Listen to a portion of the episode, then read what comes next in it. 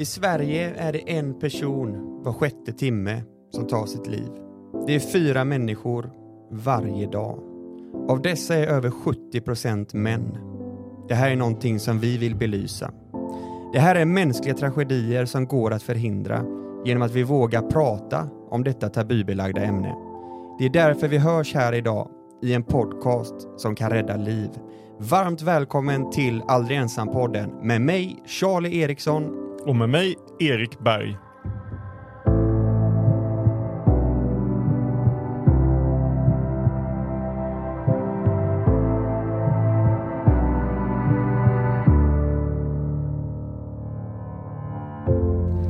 Mitt namn är Charlie Eriksson, 32 år gammal, grundare av organisationen Aldrig ensam.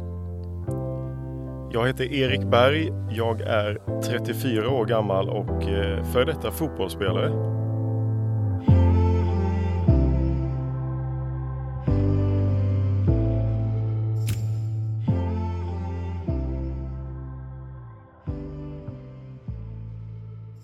Stort tack till Mekonomen som gör det möjligt för oss att få fler att prata om psykisk ohälsa via den här podden. Besök gärna mekonomen.se eller någon av deras butiker. Tack Mekonomen!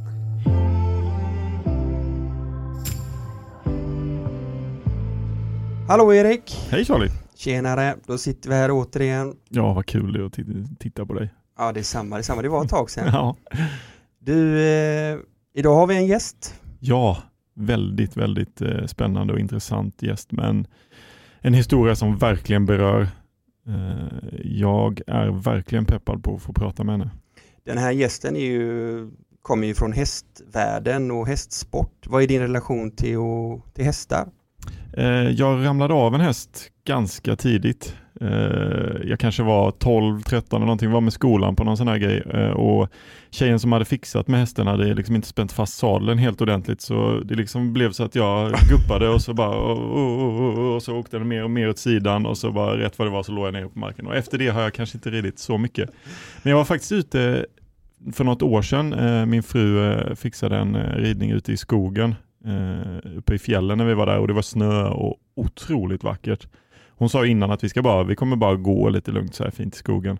Men det var en tokig eh, eh, lärare där om man ska säga. Så det var ju bara galopp och grejer. Jag bara, åh herregud vad fort det går nu. Och, men till slut satt jag där med, med en hand och bara viftade så. Som en riktig cowboy? Ja, jag kände mig som det. Det var som västernridning. Så det var supercoolt. Så det är väl det då.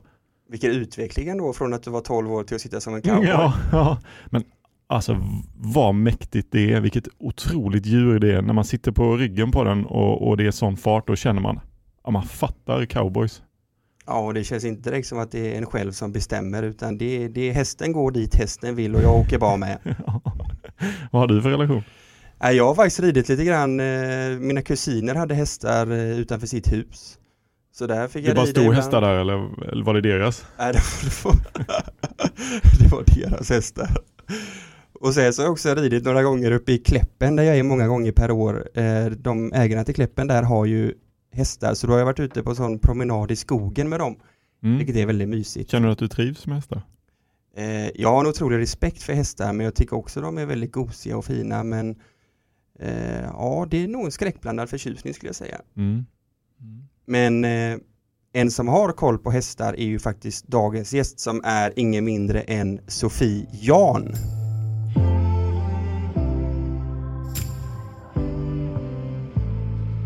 Sofie Jan växte upp på en idyllisk hästgård utanför Stockholm. Gården drevs av hennes pappa och under 80 och 90-talet var ridskolan en av landets mest kända.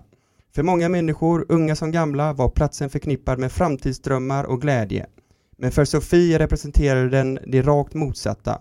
En gravt dysfunktionell miljö präglad av missförhållanden. Sofie Jan är författaren till boken Pappas flicka på hästgården. Hon växte upp på den beryktade hästgården där hennes pappa dömdes till fängelse för sexuella övergrepp på ridskoleeleverna. Hennes historia och erfarenheter är grunden till tv-serien Nattryttarna som fick ett enormt genomslag när den visades på C More år 2022. Dokumentären Hästgården på P1 vann Stora Journalistpriset. När andra valde att lämna gården gick hennes liv ut på att hitta olika strategier för att överleva och räkna ner dagarna till hennes 18-årsdag då hon äntligen skulle bli myndig och ha möjlighet att lämna gården. Idag är Sofie en uppskattad föreläsare där hon delar med sig av sina erfarenheter och lärdomar. Hon är medgrundare till superfood-startupen Naima som gör nyttig, god fika. Varmt välkommen Sofie Jan! Nej men tackar, härligt att vara här. Ja, vad kul att ha dig här. Och vilket intro. Kände du igen dig i beskrivningen? Vem var det? Ja, precis. Jo då, men det var väl bra beskrivet. Det känns Underbart. som jag. Det, det är vi glada för att det är du som är här idag. Vilken tur. Temadag. Dansens dag. Så vad är er relation till just dans? Okej. Har du någon eh, stark relation till dans? Mm, ja, alltså vad roligt att vi är inne på dansens dag. Jag älskar ju dansa. Och eh, jag hade ju en karriär eh, som eh, popartist ett tag. Okej. Och eh, ville ju då lära mig att kunna också dansa på scen. Jag såg ju mig själv som barn som liksom Beyoncé.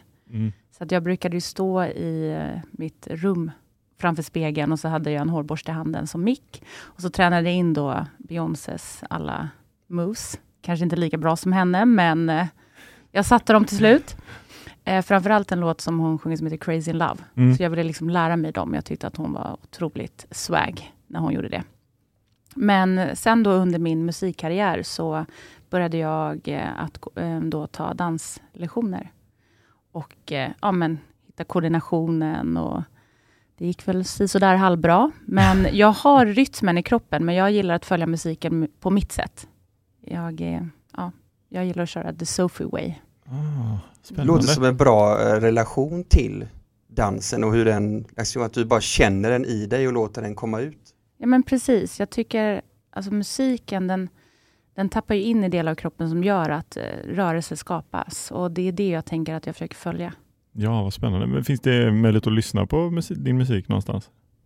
Ja, jag har faktiskt en låt kvar på Spotify. Jag Okej. tog bort de andra när Ja. jag bestämde mig för att eh, lägga musiken på hyllan. Men Mm. ehm, jag skrev den tillsammans faktiskt med Camilla Läckberg. Okej. Och ehm, ja, skulle ju då släppa den inför Melodifestivalen, var ju min stora dröm. Eh, vi kom med ganska långt i den processen och sen ja, på målsnöret där så valde de då, jag tror att det var hon, vad heter hon, Bok, Anna Bok. Mm. Så då var inte jag så nöjd. Men Tuff jag har ju släppt, konkurrens. ja jäkla tuff konkurrens. Inte för att vi ens sjunger samma typ av musik, men anyway, det är så jag förstod det. Och sen så började jag då turnera runt med den här musiken och på... Så på Spotify kan man eh, söka på Sofie Jan och så finns det... Jag heter Sophie J då, var mitt J. Mm. artistnamn. Så där finns det en låt som heter Just Say No. Kanske kan spela lite nu då?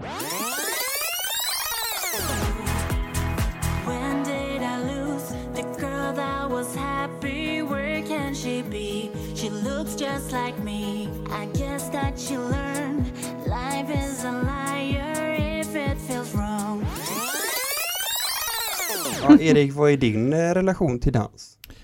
Ja. Du känns som en person som gör fuldans. Eh, Ja, jag, ser mig själv som eh, ganska duktig på att dansa, men jag tror inte eh, allmänheten gör det. Mm.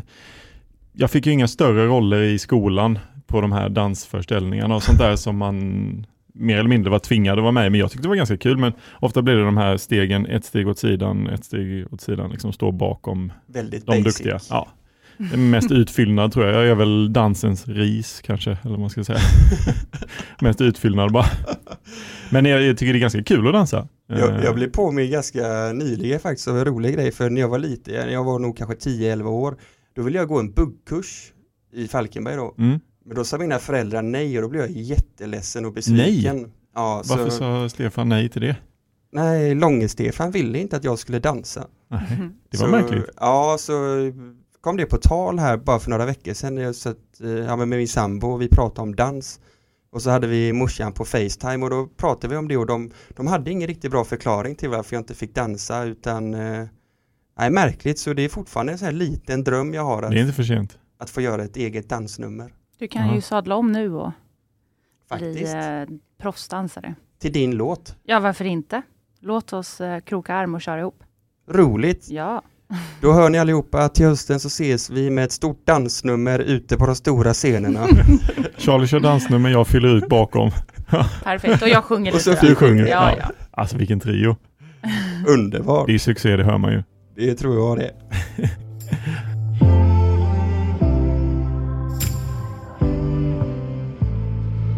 Sofie, du växte upp på en hästgård med ridskoleverksamhet, eh, prisbelönta hästar, du hade eh, liksom hästar utanför fönstret. Det är ju utifrån sett en drömtillvaro. Men hur skulle du själv beskriva din uppväxt? Ja, um, precis som du berättar här så var ju utåt sett såg det ut som att jag levde i ett paradis och i en idyll. Det var ju verkligen så här lantligt utanför Stockholm, ute på Ekerö. Så var det så här falurödfärg på väggarna, vita husknutar. Det var ju inte ett ogrässtrå så långt ögat kunde nå, välklippta gräsmattor och det var ett sov med diverse olika djur. Vi hade ju nästan upp till 100 hästar i omlopp på den här gården. Oj. Så det var ju liksom hästar var, ja, överallt. Och vi hade ju en shetlandsponny som gick i våran trädgård. Som klippte gräset, så vi behövde ingen gräsklippare. Åh, det tror jag är min frus dröm. Ja. Nej, men det var det bästa som fanns att vakna på morgonen och gå ut och säga hej till den här lilla ponnyn som hette Pippi. Och sen hade vi ju ja, men höns, vi hade gäss som sprang och bet folk i baken och vi hade katter, hundar. Ja, det var ett stort zoo. Och på många sätt var det ju drömmen. Och jag vet ju att jag hade väldigt många klasskompisar och även elever som kom till stallet som trodde att jag levde världens bästa liv. För jag fick ju rida hur mycket som jag ville. Och jag menar, jag spenderade ju nog förmodligen mer tid liksom, i sadeln än på backen. Eh, men dessvärre var ju inte det fallet. Eh, jag gick ju och bar på en, en väldigt stor lögn och en hemlighet snarare sagt, där jag inte ville berätta vad som försiggick bakom stängda dörrar. Där jag liksom hade en pappa då som utsatte både mig och min familj och även många av djuren på gården för både psykisk och fysisk tortyr. Och framförallt blev det ju värre och värre för varje år som gick och skulle jag vilja säga att han liksom insjuknade mer i dels att han drack väldigt mycket men också ehm, så var han ju inte mentalt stabil. Hur kunde den här mentala och fysiska misshandeln te sig? Ehm, på väldigt, väldigt många olika sätt skulle jag vilja säga. Men någonting av det som jag tyckte var absolut värst, det var ju det som var liksom, som vi döpte till nattridningarna. Och eh, serien heter ju Nattryttarna av en anledning. Ja, precis. Du har en, en tv-serie på Simor det va? Precis. Och eh, det var ju att min pappa fick för sig att vi skulle börja rida ja, på nätterna. Det blev liksom en grej för honom. ehm, där de kunde ju se väldigt olika ut, men det handlade om att han väckte mig och min syster oftast, när vi hade gått och lagt oss.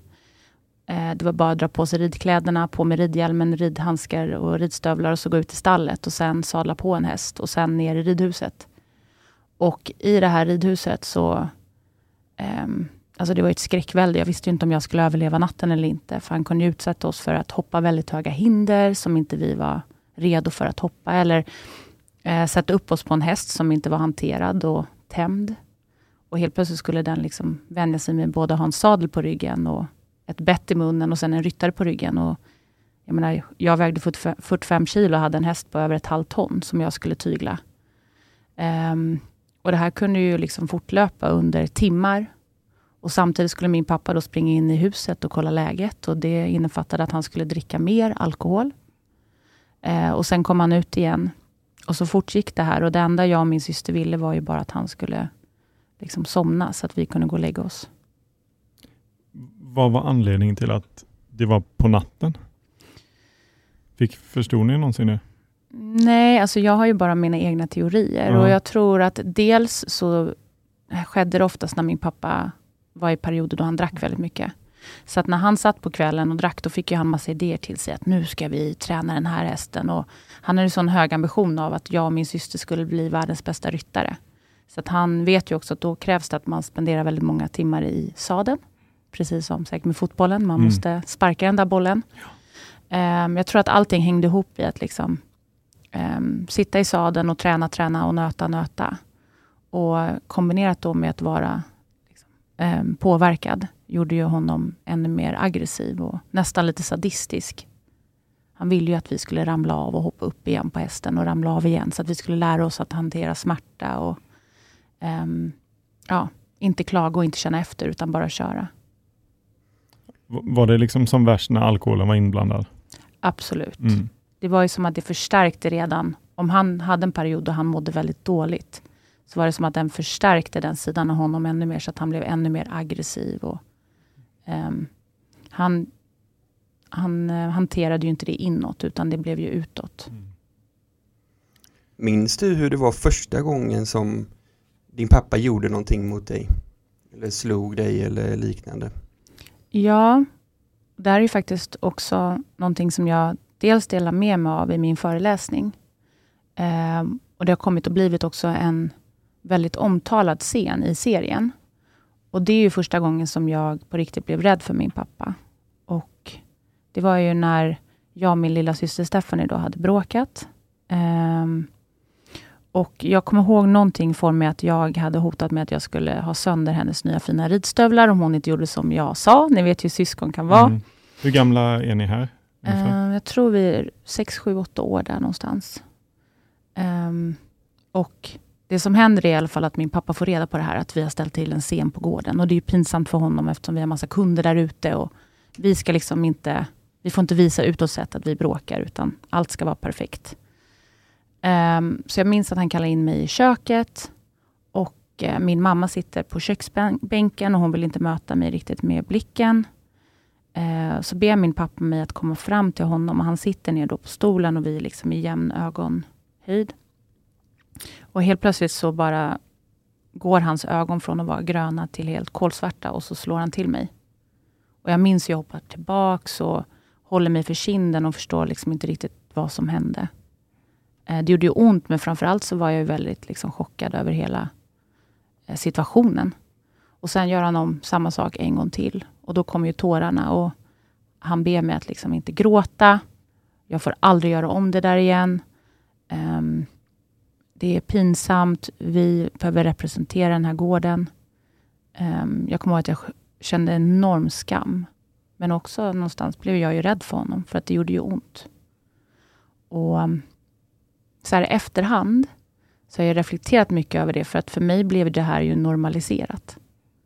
Um, det här var ju min vardag, att kunna få ett slag eller någonting elakt sagt till mig eller sådär. Men när jag såg den här ser, eh, scenen just i serien, det var ju då jag någonstans insåg att shit, det här är nog förmodligen ett av mina liksom, största trauman, där jag fått bearbeta mycket av liksom, en rädsla och skam.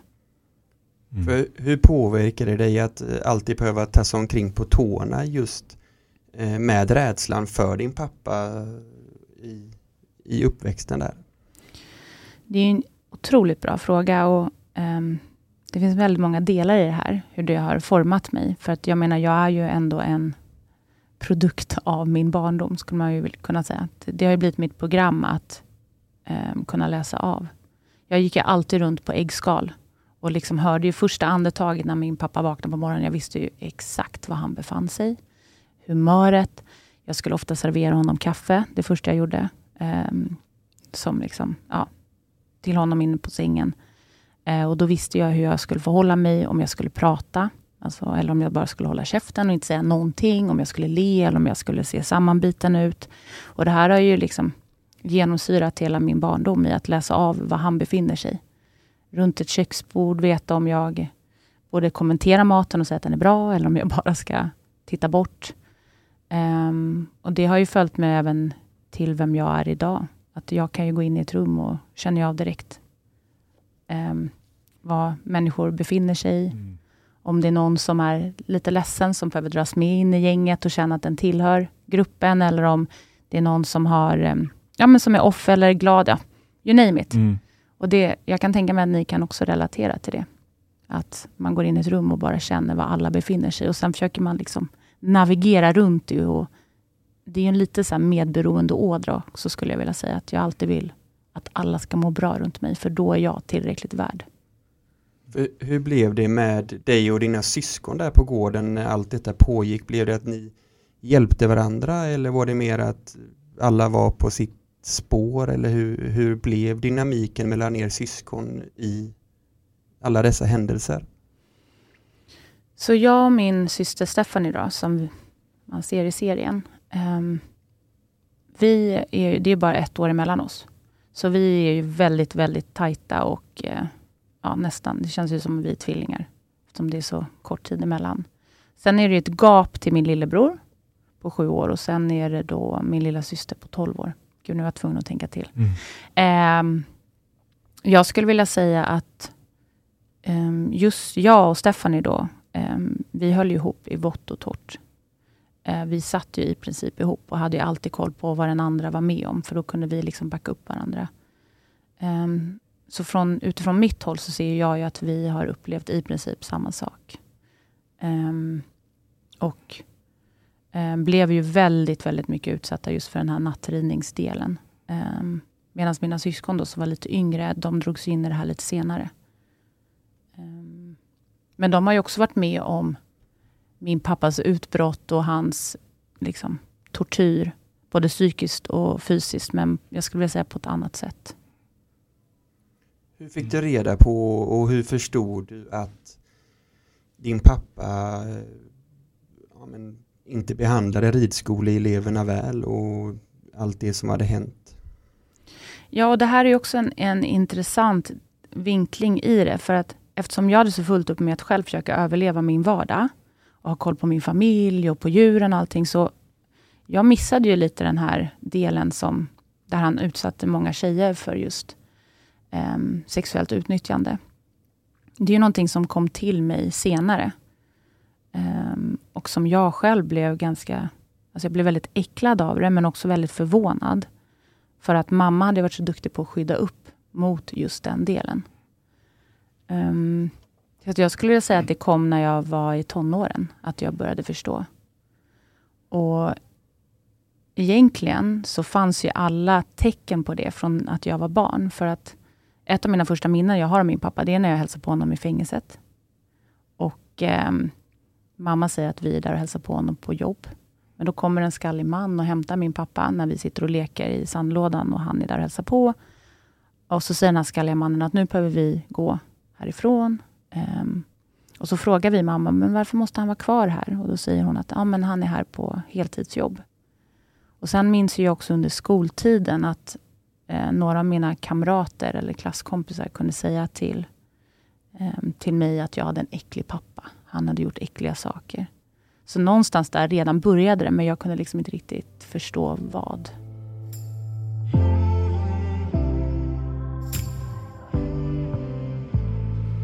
Det finns ju en dokumentär om din pappa som jag förstår det som är just för den tiden han satt i fängelse när du var liten som heter Dömd på förhand. Mm.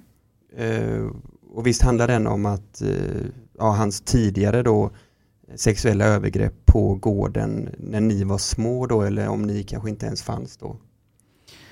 Precis. Um, det här är också en intressant del, apropå att gå tillbaka till frågan till när jag började förstå att något inte riktigt stämde, stämde helt. Och Det var faktiskt för att vi hade så här en hylla med massa kassettband, där vi brukade spela in alla hästar. Och jag älskade att sitta och titta på de här kassettbanden, för att jag fick drömma mig tillbaks till när jag hade ridit någon häst eller varit på en tävling. Och Då råkade jag ta just kassettbandet som då hette Dömd på förhand. Jag stoppade in det i tvn och helt plötsligt så... Eh, visserligen var det ju hästar på det här kassettbandet, men det handlade om min pappa som hade utsatt tjejer för jättekonstiga saker. Och Jag minns hur min mamma kom inspringande och bara Det här är inte på riktigt Sofie och eh, ta inte till dig av det här och de ljög och din pappa är inte alls äcklig och allt det här som de påstår. Så där någonstans så blev ju jag lite så här att jag började fundera över vad det är som jag inte riktigt vet som, har försiggå, eller som försiggår på den här gården. Så där någon gång, jag var väl nio år tror jag, drog det liksom det tankesystemet igång. Där när du berättade att din mamma sprang in, eh, du funderar, hur, hur var din relation med din mamma under din uppväxt? Ja, ehm, den frågan får jag ju väldigt ofta ehm, kring relationen med eh, mor-dotter. Jag skulle vilja säga att vi tillsammans var två överlevare. Min mamma träffade min pappa när hon var 14 år. Då var han, skulle han fylla 30. Och sen så började han utsätta henne också när hon var 15-16 år. Och hon drogs väldigt snabbt in i den här svängen. Då var min pappa fortfarande gift med en annan kvinna. Och Sen flyttade min mamma in i grannhuset och blev gravid med mig.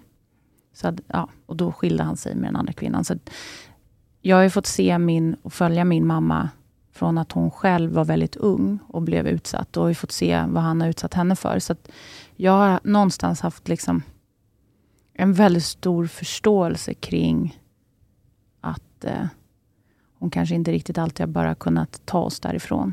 Det har inte varit så enkelt. Nej. Det Eh. förstår man ju. Ja. Mm. Och det gör någonstans att jag var liksom inte, kunde inte vara arg på henne. Utan mer så här, jag vet att jag kunde säga till mamma att mamma vi måste härifrån, hur löser vi det här? Hon bara, jag vet, jag vill. Men hon var ju lika rädd som oss. Eh, och det är jättemånga gånger som jag satt i trappen och bara på nätterna höll koll på att han inte skulle göra någonting mot henne, så att jag kunde springa emellan.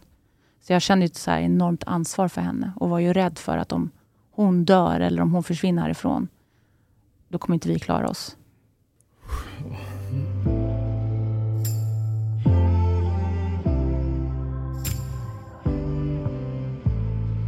Hur skulle du beskriva din pappa som person? Det låter ju som att det troligtvis är en person som är otroligt manipulativ. Ja, um, han var en väldigt fascinerande person på väldigt många olika sätt. Han hade ju ett spektrum utan dess like. Alltså när du träffar honom så drogs man ju bara in i hans värld.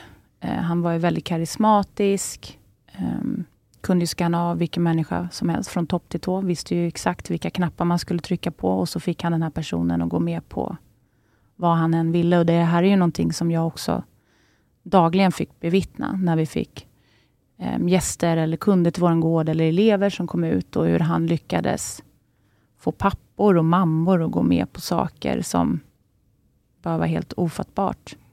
Ehm, jag vet ju att han kunde få pappor att helt plötsligt engagera sig i verksamheten och eh, strunta i egna firman och vara där ute och eh, köra hästar till veterinär, till tävlingar eller stå på ridlektioner och alltså jobba gratis. Eh, så att han hade ju liksom en förmåga att, att få människor att känna sig sedda och veta exakt vad han skulle säga. Jag kom, jag har faktiskt ett exempel. Det här är när jag hade en tid då jag hade tagit distans till min pappa och flyttat därifrån gården och jag hade bott utomlands i många år och nu var jag en vuxen person och jag fattade mina egna beslut och satt gränser.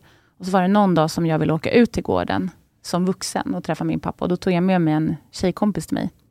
Och då har jag berättat för henne exakt hur min pappa fungerar och eh, vad han har utsatt mig för och hon var så här, men gud, han kommer inte komma nära in på mig. Usch, eh, vidrig person. Men det ska bli intressant att komma ut hit och se var du är uppvuxen.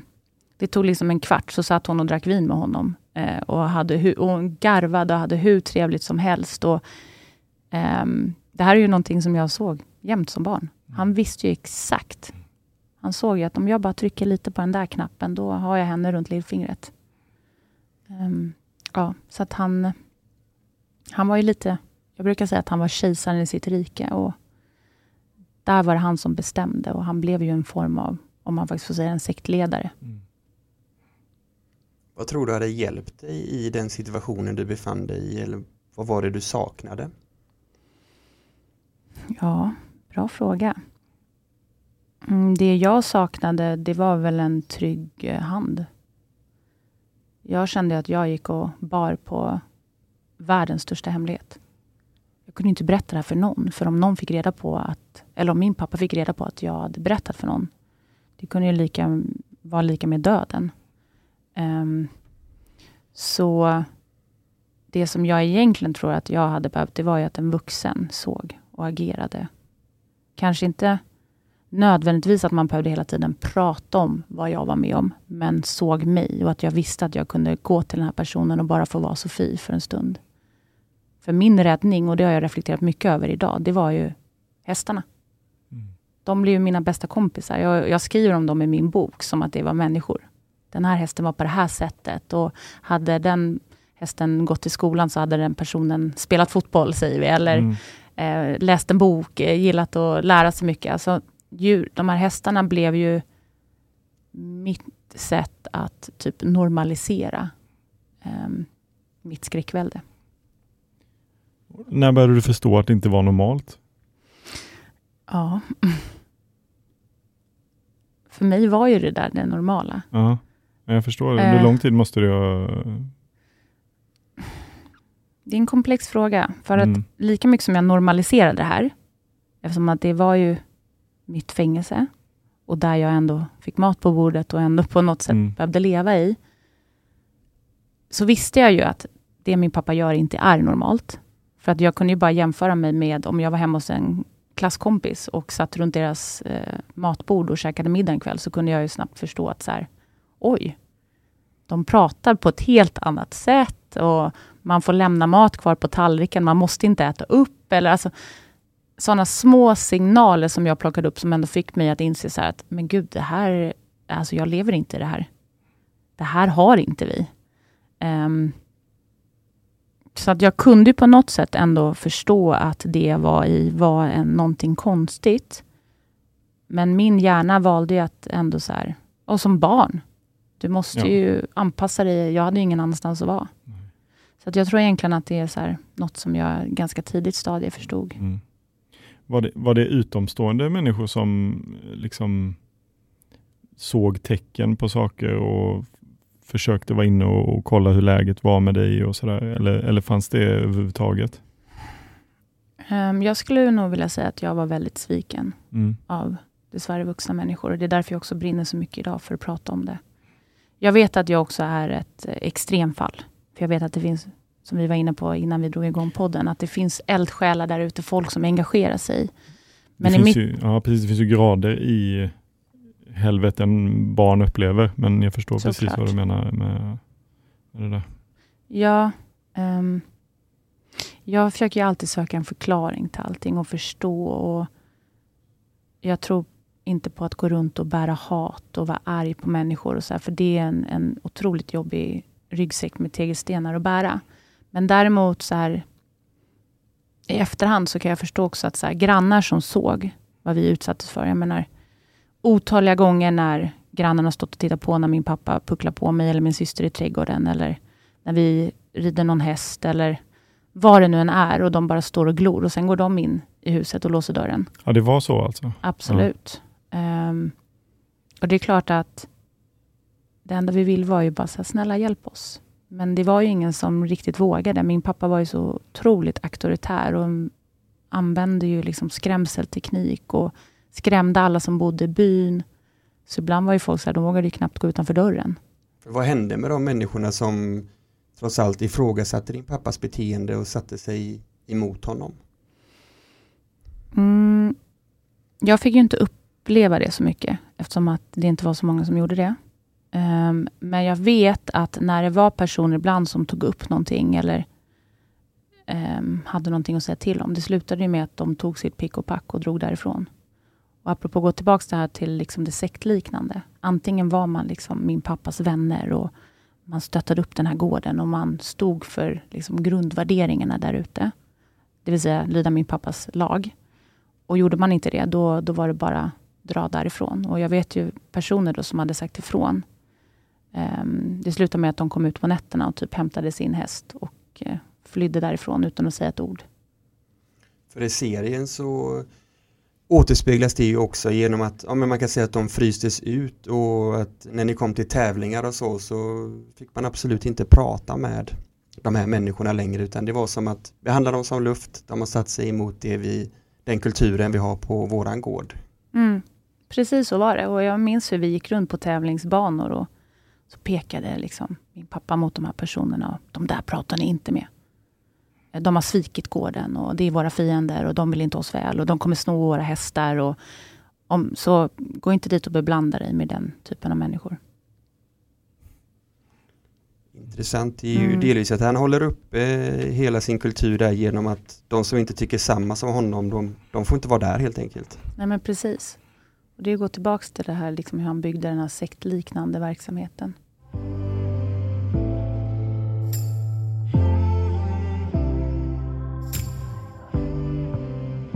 Hur gammal var du och hur var det när du till slut lämnade gården?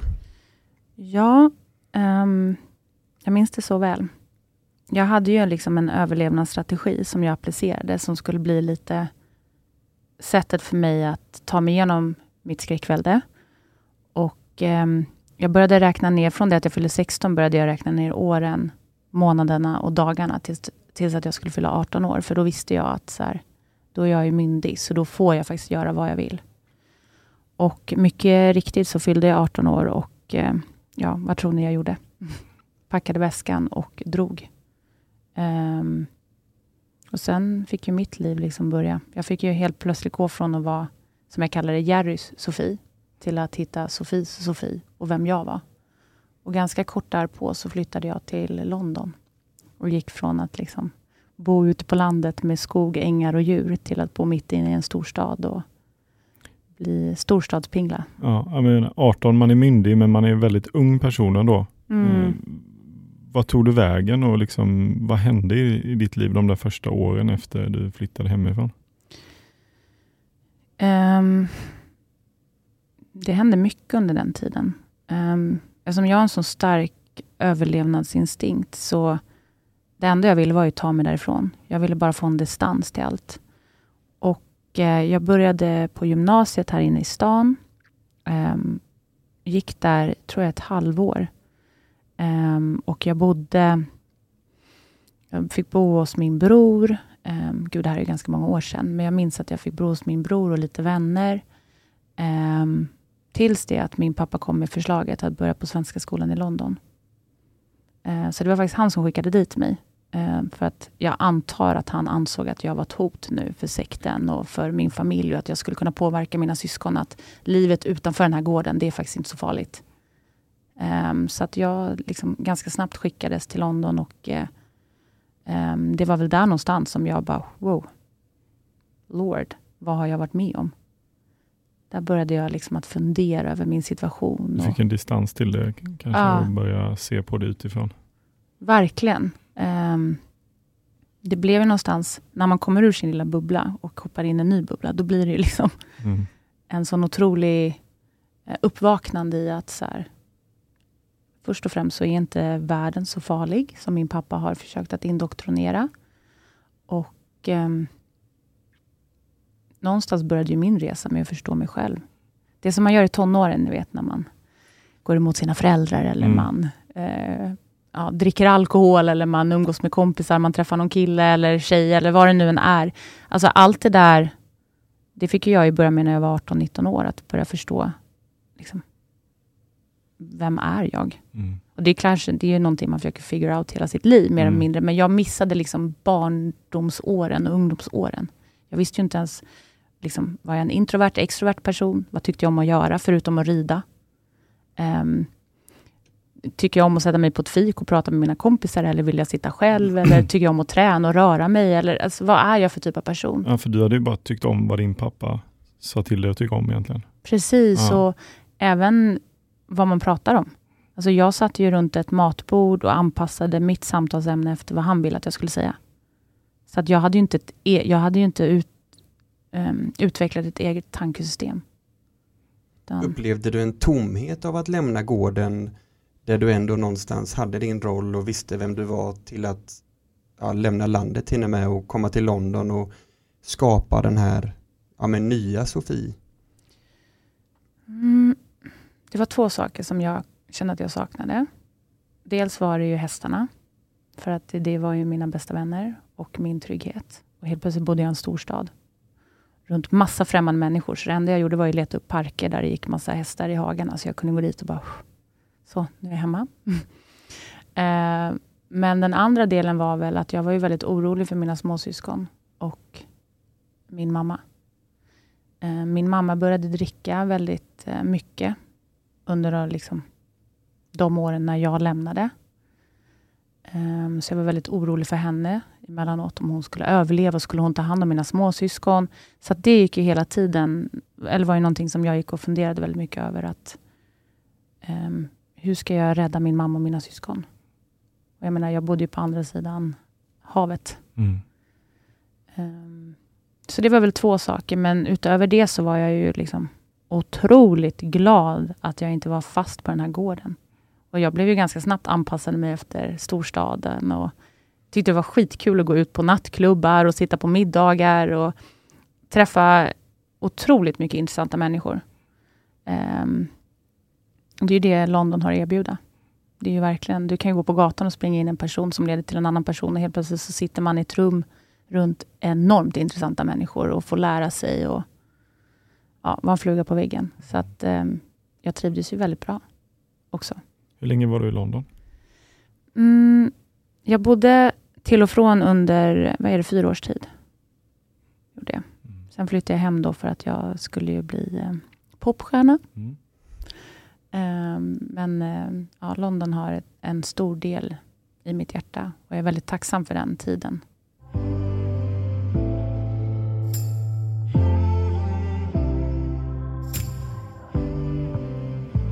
Och varför valde du att berätta om dina erfarenheter när du skrev ner allting på din blogg som du skapade på den tiden? Eh, vad var det som gjorde att du tog steget att det här måste vi berätta om och prata om?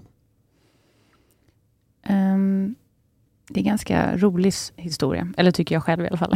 um, jag ska försöka att inte backa bandet och göra det här för stort. Um, mina föräldrar skrev ju ett avtal dem emellan, där min mamma sen bestämde sig för att lämna gården. Och i och med att min mamma ägde gården, det var egentligen hon som ägde 100% aktier i bolaget. Men hon ville ju inte vara kvar där, så hon lämnade över den till min pappa och så hade han en tid på sig att få em, köpa ut henne, alternativt att lämna tillbaka gården. Och det gick ju ganska många år och till slut så kom de till den dagen då han fortfarande inte har köpt ut henne, men han lever på hennes tillgångar och min mamma ser ju bara att så här, vi måste sätta stopp för det här. Um, men det var ju ingenting min pappa riktigt gick med på. Eh, och det här fortgick under en längre tid tills då att vi bestämde oss för att vi skulle ta tillbaka då, då, verksamheten, jag och min mamma, och eh, driva igång den igen. Eh, så att vi eh, startade då under höstlovet skulle vi göra något höst, höstlovsläger. Och jag och min mamma går ut där på morgonen, tar hand om hästarna, mockar och fixar och donar. Och sen dyker inte då de här eleverna upp. Det är ju alltså barn då som är på höstlov och ska rida. Um, vi undrar vart de är, vi letar. Det visar sig att de är inlåsta då i min pappas hus på gården. Um, och uh, vi försöker ju få ut barnen, men min pappa säger att han har teorilektion med dem och att det är han som bestämmer här på gården. Så att jag och min mamma ringer då till föräldrar som blir helt skogstokiga och får höra att liksom deras barn är inlåsta och att de inte alls är i stallet där de har lämnat dem. Och eh, vi ringer polisen. Och eh, polisen säger till oss att sätta oss i bilen och vänta tills de kommer ut. Och ska tilläggas då under det här tillfället så har ju min pappa varit väldigt aggressiv. Så han har ju kastat in mig i en stenvägg och han hade varit aggressiv mot min mamma. När vi hade då försökt att liksom ta tillbaka gården. Så vi satt och väntade i bilen. Det går en halvtimme, det tar 45 minuter, det tar en timme och så ringer vi polisen igen. Och då får min mamma prata med någon man där ehm, som säger att ja, men vi har pratat med din pappa eller med Jerry då. Och eh, han berättar att det är ni som är där och inkräktar. Så att det är bäst att ni lämnar gården. Och vi försöker förklara, alltså hör ni inte vad vi säger? Alltså han har utsatt oss för våld, han har låst in barn, på, alltså försöker förklara det här och de säger, ja men ja, ni får vänta där, vi kommer ut, men det här är ju inte ett prioriterat fall. Och eh, vi satt där och väntade och väntade, det slutar med att polisen kommer ut, två, två polismän. De går då till min pappas hus, kommer ut därifrån, sen går de i princip nästan armkrok med min pappa, sätter lås för stallet och så säger de till oss att ni får åka härifrån. Um, ni har ingen rätt att vara här. Och jag och min mamma är helt förtvivlade och känner oss helt maktlösa. Och bara, vad fasiken är det som händer? Alltså, det här är ju så snedvridet. Eh, och då har ju föräldrar hunnit komma ut på gården och hämta sina barn och de är hysteriska och, och tycker att det här är helt bisarrt. Vi åker hem, jag och min mamma, och vi ringer, försöker prata med polisen igen och vi kopplar in en advokat och det här blir en, liksom, en jättelång diskussion och vi inser att så här, vi har ingenting att säga till om. Och Då satt jag där på kvällen förtvivlad och kände bara återigen så jag är för, sviken av ett system. Polisen har varit ute så många gånger, sett oss med blod på benen och eh, liksom rödgråtna och de, de har sett grejer, de vet grejer och det finns dessutom en dom på min pappa att han har suttit i fängelse. Och det här är liksom återigen händer samma sak. Så jag bara, nej, nu, nu skriver jag något. Så jag satte mig bara och skrev och bara lät liksom mm, ja, men orden komma till mig. Och så kommer jag ihåg att jag liksom la in det här som någon, i någon Wordpress eller någonting. För Detta var på den tiden när det var bloggar som var det hetaste Precis. istället för Instagram och liknande. Precis. Eh, och ehm, ja, Det som händer är att jag trycker på enter och sen går jag och lägger mig och vaknar upp dagen efter och har över en halv eller en, ja, en kvarts miljon människor som har likat, delat och bara det här är helt sjukt. Och jag bara tittar på min mamma och bara ups, vad har jag gjort?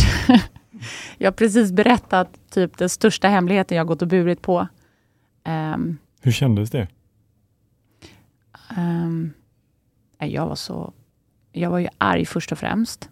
Så att det här blev ju bara... Jag, jag var ju bara så glad att det kommit ut. Ja, men var det liksom befriande? Kändes Ja. som, kände du dig lättare? Kände du dig liksom glad? Eller var du fortfarande arg? Och... Nej, men jag var nog fortfarande arg för att Mm. jag tycker att systemet... ehm, liksom, jag var arg på systemet. Egentligen inte så mycket min pappa, för jag vet att han är sjuk. Men jag var arg på systemet. Och sen kände jag väl, som du säger, en lättnad över att jag äntligen har fått berätta någonting. Så tänkte jag samtidigt så här, oj, vad kommer hända nu? Jag tänkte det, kände du ingen rädsla i detta med tanke på vad du har råkat ut för tidigare? Ehm, nej, faktiskt inte. Jag tror att när man är så uppe i liksom en känslostorm, ehm, det är som att rädslan bara trycks bort. Så att jag var nog mer bara så här, nu måste vi, nu får det vara nog. Ja, du var inte rädd för vad din pappa skulle ta till liksom? Någonstans så tänkte jag att så här, då, eh, att det här är, nu kan det hända grejer. Och jag menar, jag skrev ju mig på skyddad adress. Um, gick alltid och kollade mig själv över axeln. Uh, är han runt hörnet? Alltså jag har ju levt med det väldigt, väldigt många år, att han kan ju faktiskt dyka upp eller skicka någon på mig. Men samtidigt så kände jag bara så här att, alltså vad finns det att leva för? Um, någon måste ju agera på det här. Och jag tror att jag har en så stark kraft i mig som bara är så här, det här är fel och vi måste göra någonting åt situationen. Och om det innebär att jag stryker med eller någonting, så so it be på något sätt. Ehm, Vad blev effekterna av, av ditt inlägg där? Jag tänker, eh, blev det någon förändring på gården där omedelbart eller vad hände kring gården? nej, det blev en lång rättslig process. ehm, där min pappa gång på gång förhalade. Varje gång vi skulle in i då, em, tingsrätten och prata, disk, ja, men diskutera kring vem som äger gården. Em, mamma hade ju bevis på aktieboken att hon ägde alla aktier och så vidare. Eh, men det blev bara liksom utdraget under ett x antal år. Tills det att, eh, jag tror att det är när min, jag, jag vill minnas att det är då min pappa typ ligger på dödsbädden och har förskingrat så mycket pengar från det här bolaget. Och det finns tusen kronor kvar på kontot tror jag. Då vinner mamma det här rättsliga. Då har han lyckats sälja gården ehm, alltså under radarn. Så gården finns inte kvar. Ehm, han har ja, men lyckats sälja av alla tillgångar, alla hästar av värde. Så det fanns liksom ingenting kvar av värde. Och då kände min mamma bara, "Ja, tack rättssystemet, bra jobbat. Det låter ju helt otroligt. Ja, han gick runt med en så rullväska. Ehm, för att, mm, ja, där vi då, vi gissade att det var pengar i den här rullväskan. För att helt plötsligt köpte han en Rolls Royce. Och eh, vi har inte sett ryken av de här pengarna, inte ens efter det att han har dött.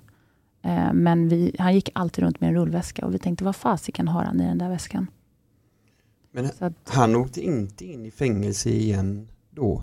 Nej. Utan han klarade sig undan ända tills ja, han dog så att säga. Ja. Det, vi har ju haft då väldigt otur med åklagare och alltså ett rättssystem som inte har velat ta fram bevis eller bevittna, eller tagit in vittnen då som har kunnat på något sätt styrka det vi har varit med om.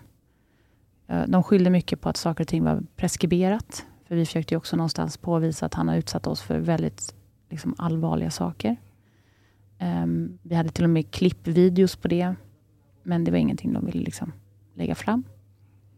Så att, um, ja. Jag kan ju säga att systemet var ingenting som jag hurrade för. Nej, det förstår jag. Och det var ju faktiskt en anledning till att jag liksom ville börja blogga. För att Mm. jag tycker att det är så snedvridet.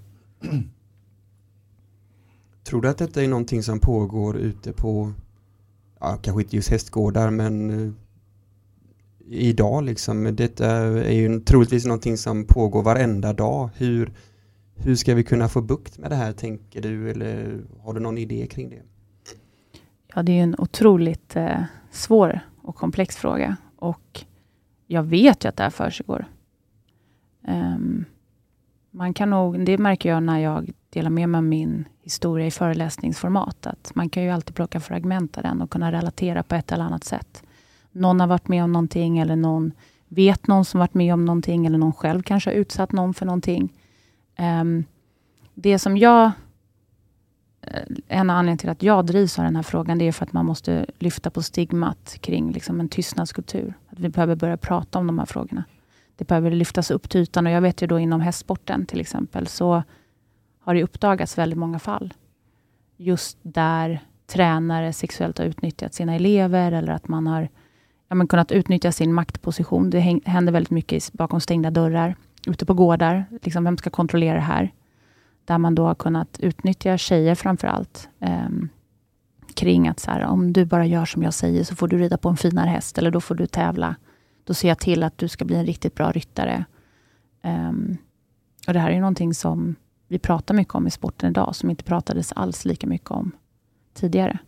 Så att det sker en förändring och jag vill hoppas att det är på, liksom, på väg åt rätt håll. Ja, där har- har ju du varit och är en viktig del av det och fortsätta prata om det och, och berätta. Ja, jag vill hoppas det i alla Ja, fall. Och, Men helt klart. Vad tror du att det digitala har för eh, inverkan idag? För när, när det hände på eran gård så kanske det inte var lika självklart att man eh, googlar på gården eller kollar sociala medier eller liknande vad det var för förhållanden på den gården. Men idag är ju allting så himla tillgängligt via det digitala. Tror du att det är någonting man kan använda till det positiva? Det tror jag verkligen. Um, det finns ju en sån enorm genomslagskraft i det digitala och det märkte jag ju med min blogg. Um, och det, där jag delade via Facebook, att helt plötsligt så hade så många människor delat och sett där. Eh, om man använder det på rätt sätt, ja. Eh, men som ni säkert också kan tycka, eller känna till, eller veta, eller tycka till om, det är ju också att många, det sker ju mycket mobbing och man sitter bakom en skärm och skriver väldigt mycket. Man har väldigt mycket åsikter. Ehm, det är också en sak som jag har reflekterat mycket över, att man visst kan prata om saker och ha någonting att tycka till om, men man behöver också gå till, till verkställande och prata om huret, hur man agerar om, på, kring de här frågorna. Att om man märker att så här, det här står inte rätt till här, då behöver vi också agera på det. Men absolut, Ehm, det är klart att det sker en hel del informationsflöden och folk som vågar dela på ett helt annat sätt idag, kanske än när inte sociala medier fanns.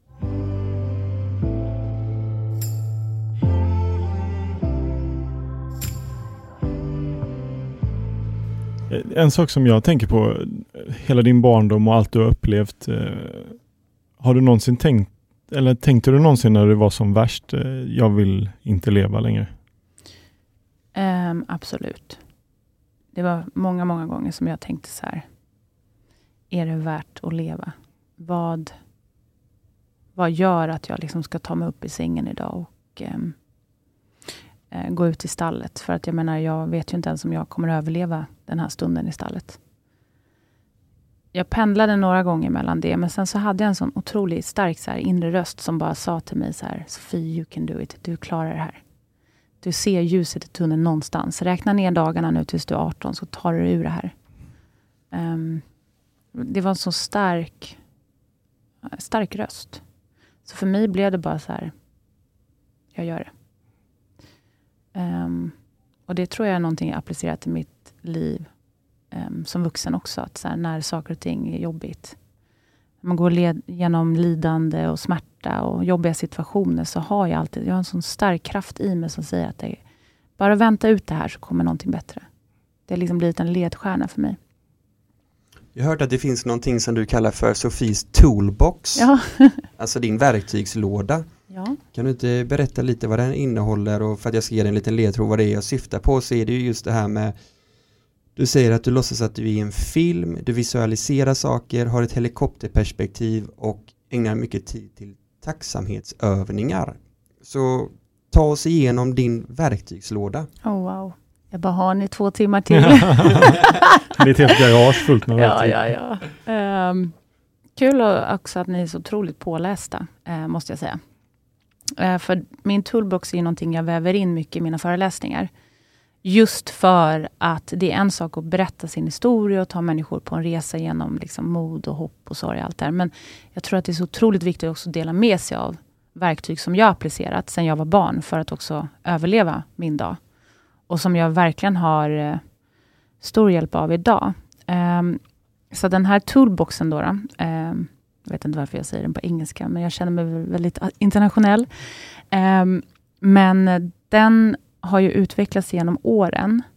ehm, just för att jag frågat mig själv väldigt mycket, så här, hur ska jag må bra? För att vara glad och lycklig och må bra, vad det nu innefattar, det är ju ett konstant jobb. Ja, herregud, det behöver man jobba med varje dag. Verkligen. Mm. Ehm, lika mycket som man tränar sina muskler på gymmet, så behöver ju hjärnan behöver ju också jobbas med. Och det är någonting jag tycker vi pratar alldeles för lite om. Absolut. Och alltså jag tänker bara, tänk om jag hade fått alla de här verktygen i skolan. Att förstå att, så här, man, att ta sig igenom den här, alla de här känslorna och ångest och framförallt idag när många verkligen mår dåligt. Um, men det här är någonting som jag har grottat ner mig i väldigt mycket de sista åren och velat, jag vill fasen må bra. Alltså jag lever ett fantastiskt liv. Jag får göra vad jag vill. Jag är fri. Jag får vakna upp varje morgon och bestämma själv att idag vill jag träffa en kompis eller idag vill jag sitta hemma. Idag vill jag kolla på Netflix. Idag vill jag äta det här. Och Det kanske låter liksom bisarrt, men för mig var ju inte det. Det var inte en självklarhet. Jag visste inte om jag skulle få middag eller jag visste inte om jag fick träffa en kompis. Eller... Så jag har bara någonstans bestämt mig för att jag vill se det fina med livet och ta varje dag på bästa möjliga sätt. Sen betyder inte det att jag vaknar upp varje dag som en solstråle och bara wow, Mm. livet är fantastiskt. Men oftast så kan jag vända om de känslorna. Och Det är då för att jag dels varje morgon börjar med en tacksamhetsövning. Och det finns ju hur, jag antar att ni känner till det här med Kan du ge ett vetenskapen. exempel på någon form av tacksamhetsövning och ja, framförallt varför man gör tacksamhetsövningar? Ja, så det har ju gjort enormt mycket forskning just kring tacksamhet. Att det är ett sätt vi, Eh, våra hjärnor vill ju gärna vara i negativa loopar och det är ju för att vi har den här överlevnadshjärnan som eh, går runt och håll, höll koll på när vi bodde eh, på savannen. Att så här, nu måste vi kolla efter lejon och sånt som vill mörda oss. Eh, så därför går vi ju runt ofta i liksom tankar kring att så här, det här är inte bra, det här är fel och så vidare.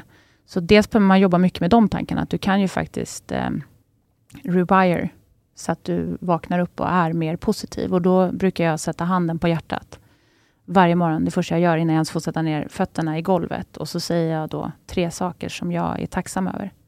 Och Det kan vara allt ifrån att jag får dricka en kopp kaffe till att eh, ja, jag ska träffa er idag. Det var jag faktiskt väldigt tacksam över. Eh, det kan liksom vara högt och lågt. Det behöver inte vara några så stora saker.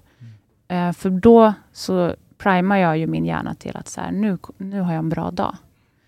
Ehm, och det har hjälpt mig jättemycket sista åren.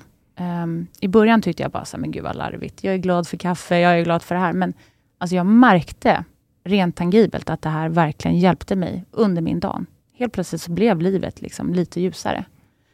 Eh, och sen så har jag ju nu börjat med eh, på kvällen att göra sån här journaling då. Och då skriver jag ner så här, några bra saker från dagen som jag är glad över. Jag vill inte gå in så mycket i den här negativa Mm, loopen.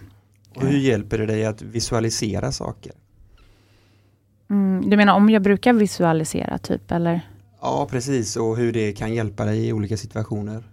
Ja, men det är jättespännande. Eh, för jag har ju börjat se livet som att man går in i olika gästrum och jag bestämmer själv hur jag vill vara i det rummet. Um, en person som är upp, jag är ändå en person som är uppvuxen väldigt mycket med att läsa av och känna skam och ångest och liksom um, behöva läsa av rummet för att passa in, har nu gått in i att nu går jag in i rummet och gör det till vad jag vill att det ska vara. Och det har jag applicerat eh, väldigt mycket, framförallt i min startup. Att gå från den här personen som satt i investeringsmöten och liksom i princip bad om ursäkt för mig själv, att jag var här och kände mig så eh, ja, men kände mig väldigt liten, till att jag går in i det här rummet och bara, jag är så jävla bra på vad jag gör. Jag ska känna de här känslorna. När jag går in i det här rummet, då ska jag känna mig liksom confident, jag ska sträcka extra på mig. Jag eh, ska verkligen ge en bild av vad det är jag ser framför mig när jag säljer in det här, till exempel. Och det har blivit ett väldigt mäktigt verktyg i, vilket, i vilken situation jag än är i. Det är att så här, inför det mötet bestämma mig hur jag vill känna och vad jag vill få med mig av det mötet. Jobbar ni också mycket med visualisering? Men, framförallt, det är så otroligt inspirerande att höra på dig och du som har varit med om så traumatisk och tunga upplevelser och, och, och, att lyckas vända på det och vara en förebild i att det går att ändra på saker. Det är så sjukt viktigt tycker jag. Och det, det ska du ha så mycket tack för att du använder din röst. Tack, vad fint. Ja, jag blev väldigt, eh, alltså det är väldigt häftigt att sitta och lyssna på dig. Erik, kunde du visualisera saker när du spelade fotboll? Så kunde, satt du innan matchen och tänkte att ja, där gör jag en glidtackling eller liknande? Jag vet inte, jag har nog, jag, kanske att man har gjort det utan att tänka på det.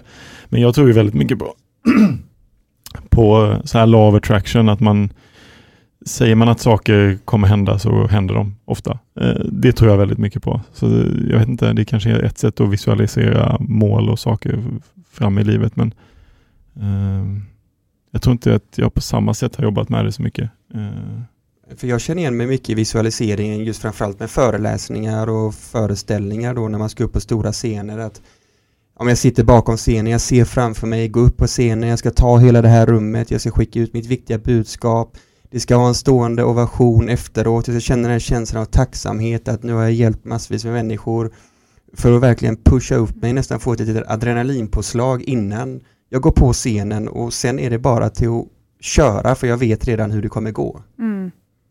Så det, det, är ju väldigt hjälpsamt. Eller hur? Ja, det låter ganska likt den era...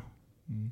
Jag kan verkligen relatera till det. Även när jag eh, skulle upp då som popstjärna på scenerna. Mm. så gick jag ju bara in för den känslan att liksom, nu är I'm the shit. Mm. Jag ska göra det här och liksom få med publiken på den resan. Och det, det blir ju en effekt av det. Det vad också, du bestämmer dig för, det är ju det det blir. Precis, jag kan också uppleva att det skapar en känsla av närvaro. Att när man har visualiserat någonting innan, går upp på scenen, gör det jag ska, så kan jag också vara närvarande i nuet. För någonstans så är det som att min kropp och mitt huvud förstår var jag är och vad det är som händer och då kan man samtidigt njuta av känslan vilket annars är svårt för att det är fullt fokus på själva uppgiften man gör mm. så att mm. säga. Så sant. Jag håller med just det där med närvaron. Att inte bara gå upp och göra det som ett performance utan att faktiskt du är ju här och nu. Du står ju på scen här och nu och pratar inför alla de här människorna och faktiskt ta in det. Det... det är väldigt häftigt att våga känna i det ögonblicket, att ta ja. in känslorna och, och, situationen. Ja, jag håller helt med. Och Erik, många har ju en dröm om att bli fotbollsproffs och du har ju faktiskt stått i katakomberna innan man får gå in på planen och man hör eh, nationalsången innan matchen när du har varit med landslaget och sånt.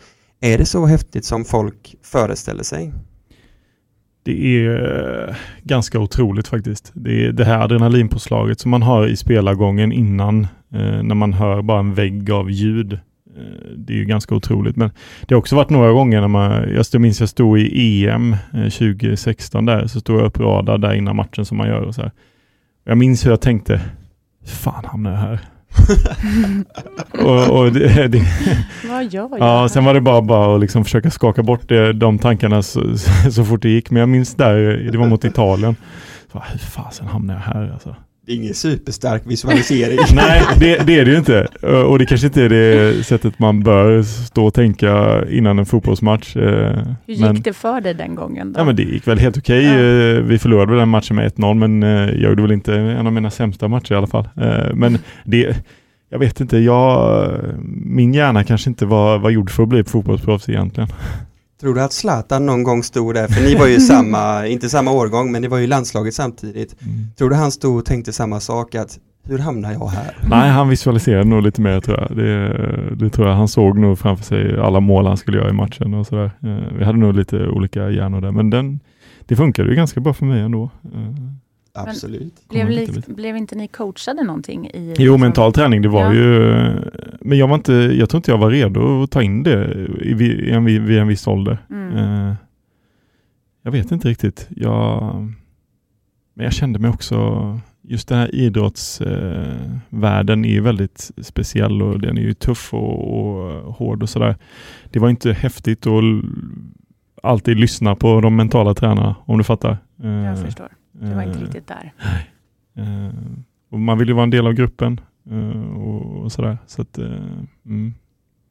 Nu när jag har gått till psykolog och sådär och, och pratat så här efterhand om hela min karriär och sådär så ser jag ju tillbaka på det och ser väldigt många missed opportunities. Mm. Men eh, det är någonting man kan göra åt nu istället.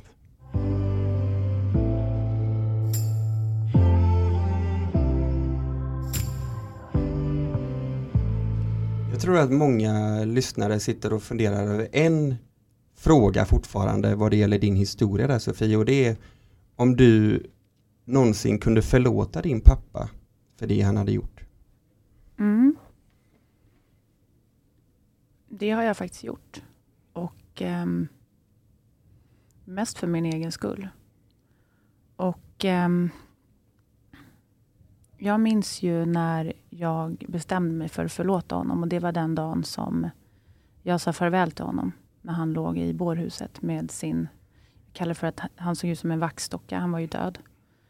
Och eh, den här, jag minns hur jag liksom gick in i det här rummet tillsammans med min familj och den här mannen som man har varit så otroligt rädd för och känt sån skräckvälde för. Och ja, men förakt och allt. Helt plötsligt så låg han där och så fick vi möjlighet att säga allt vi ville säga till honom. För att han kunde inte göra någonting åt det. Utan han fick ju bara ta in orden. Och samtidigt som jag satt där och tänkte så, så funderade jag mycket över liksom vad jag kände för honom. Och där och då så kände jag bara kärlek. Um, jag kände mig väldigt tacksam över att jag, jag har ju blivit den jag är, väldigt mycket på grund av honom. Och min pappa har väldigt mycket kvaliteter, väldigt mycket fina sidor. Det är väldigt lätt att bara säga allt hemskt han gjorde. Men han har också lärt mig väldigt mycket om livet och hur man tar människor. Och jag tror att jag valde att eh, ta till mig det och göra någonting gott.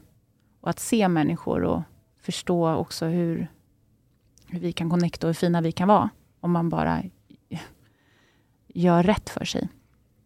Så då tänkte jag att så här, ja men tack pappsen. Um, du har gjort mig ändå till den här personen som har ett sånt enormt driv, som är så ambitiös. Jag har fått vara i diverse olika rum på denna jord. Eh, det finns liksom ingen stopp i mig. Jag kan flytta ett berg om jag behöver flytta ett berg. Och det har han lärt mig.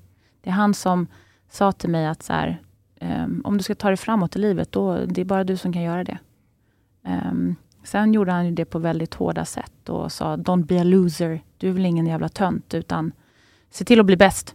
Och är du inte bäst, då har du inte att göra i det här rummet. Men det har ju varit en så här, kanske trauma som har drivit mig till att jag också har fått lära mig väldigt mycket om livet och få uppleva så enormt mycket. Nu blir det här ett väldigt långt svar, men det jag vill säga med det är i alla fall att när jag satt så satt jag och tänkte på det, att jag är ju den jag är. Tack. Um, jag väljer att förlåta dig för att jag vill inte gå runt och känna hat. Jag vill inte bära den här ryggsäcken av alla dessa värsta olika tegelstenar. För att han kommer aldrig förändra sig. Han skulle aldrig be om ursäkt till mig. Han skulle aldrig säga att han har gjort fel. Det är bara jag som kan bestämma mig hur jag vill förhålla mig till allt jag varit med om.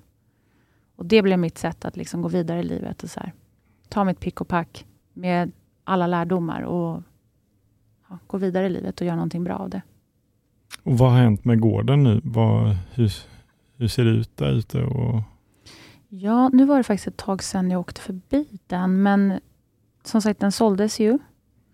Och de skulle ju riva den och bygga bostäder där, men så fick de inte igenom bygglov och allt. Ehm, faktiskt rätt åt honom som köpte den, för han gjorde en ful affär. Men ehm, Hur kan det vara lagligt? Jag Nej, men inte. det är inte lagligt. Alltså det, det skedde en jättesmutsig affär, men min pappa lyckades ju gå in i kommunen och få igenom det här. Och den här mannen som köpte det gjorde ju inte en jätteschysst affär. Nej. Och vi har ju försökt att vädja till honom om att få lösa det på ett bra sätt, men det har inte han velat. Hur som helst, han fick inte igenom bygglovet, så nu står den bara där typ och förfaller. Och det är något stall, det är några hästar i ena stallet har vi sett, när vi har passerat. Mm. Men eh, jag har också valt någonstans så här att ja, det som blev, det blev. Jag kan inte påverka det mer. Jag måste gå vidare. Så hur är din relation till din mamma och din syster idag? Eh, jättebra. Jag och min mamma är ju, idag är ju hon faktiskt min mamma och jag är hennes dotter. Det låter ju knasigt att säga, men innan kändes ju hon som min typ syster. Eller jag kändes ibland som hennes mamma.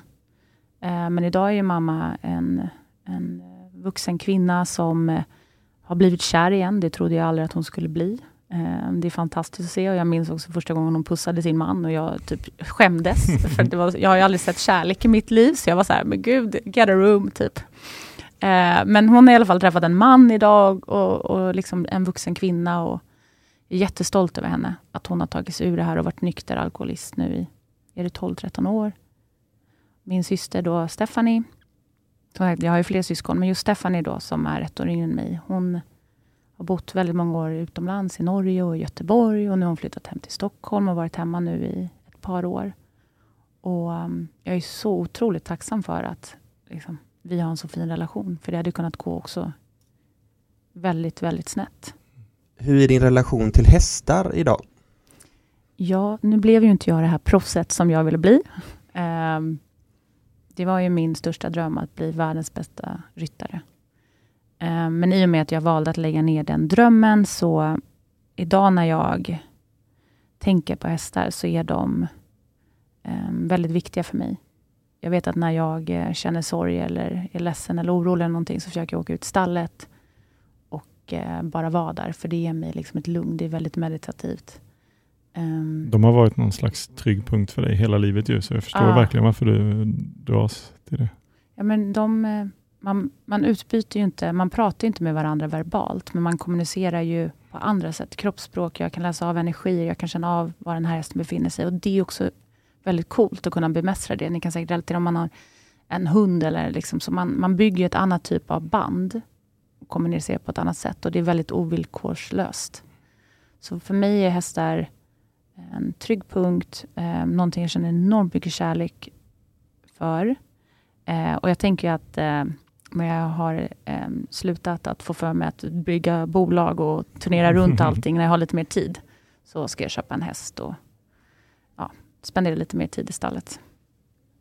Spännande. Men eh, bolagsbyggandet är ju lite intressant tycker jag. Vad, vad är planen där? Vad är grejen? Ehm, ja, det är ju en intressant resa i sig. Mm. Ehm, och jag har hållit på med det bolaget nu i tre år. Mm. drog igång i början av pandemin tillsammans med min medgrundare. Eh, vi brinner ju väldigt mycket för hälsa och eh, vad mat gör för kroppen. Och Det bottnar egentligen i, och jag vet inte om ni känner till begreppet biohacking. Mm. Typ hur man kan hacka sin bi- biologi för att leva längre, optimera, prestera bättre och så vidare. Och Just mat är en jätteviktig komponent i hur man mår. Och eh, Då insåg vi eh, under pandemin, när hon då bodde hos mig och hon bakade en jäkla massa i mitt kök. Eh, och hon gjorde det bara på riktiga råvaror och med något som heter superfoods och adaptogener då, som kan tappa in i kroppen på olika boostande sätt. Så sa jag bara så här att det här är alldeles för bra för att bara jag ska äta. Låt oss eh, bygga en business av det här. Så eh, ena mötet ledde till det andra som ledde till det tredje mötet och sen hade vi dragit igång Naima som då är framtidens fikabolag. Och anledningen till att det blev fika och inte någonting annat är för att vi fikar så otroligt mycket Mm. i Sverige. Det är en jättestor del av vår kultur. Och idag pratar vi väldigt mycket om så här att jag borde inte äta det här och jag ska leva efter den här dieten. Och det är mycket kroppshets och det är mycket eh, prat kring liksom, att säga nej, nej, nej till mat. Och då tänkte vi att låt oss ta fram fika som är bra för dig. Men som smakar onyttigt, men är nyttigt. Liksom. Eh, och vår plan med det här är ju att det har ju vuxit väldigt fort på väldigt kort tid. Och eh, Vi har ju börjat omsätta liksom några miljoner nu och eh, insett att eh, eh, folk älskar våra produkter. Så eh, inom kort tid så ser vi ju andra marknader. Ehm, jag blickar lite både mot USA och jag ser Asien som en jättestor eh, marknad när det kommer till vår produkt. Ehm, så ja, det här ska bli stort. Vad spännande. Ja. Det ska bli kul att följa det. ja, det är synd att jag inte hade med, men jag får skämmas lite att jag inte tog med fika hit idag, men det är en väldigt spännande resa. Om lyssnaren vill eh, ja, se mer av dig, följa dig och så vidare, var, var hittar man dig då? Jag skulle säga att min Instagram är väl den som är bäst. Sofie Jan. Ja. Ehm, sen har jag ju en hemsida, men om man vill reacha ut till mig, skriv till mig på DM.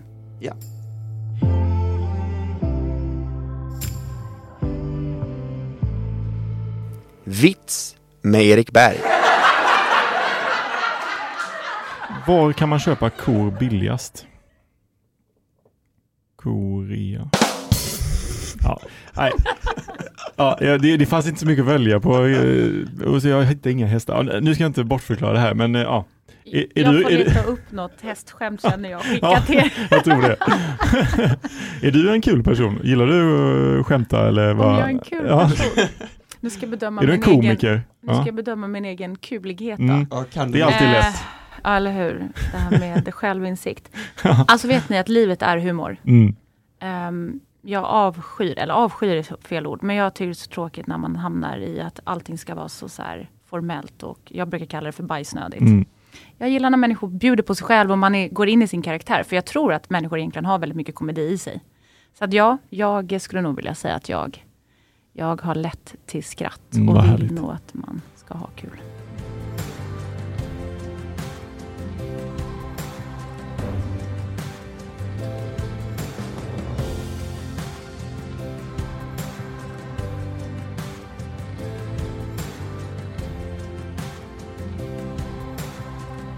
Låten i podden är den officiella låten för Aldrig Ensam, You're Not Alone med artisten Kristoffer Gresela.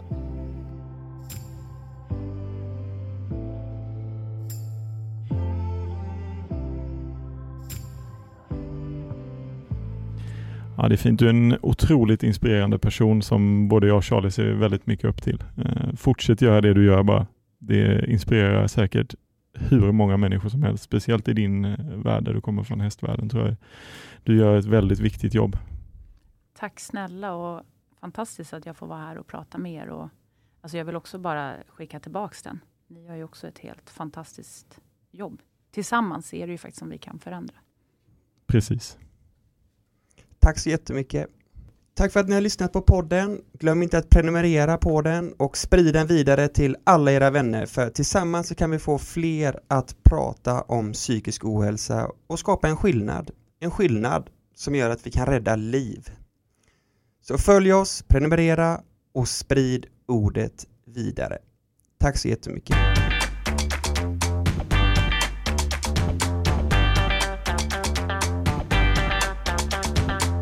Karina Bergs visdomsord. Står man i skit upp till halsen, ja då får man inte hänga med huvudet.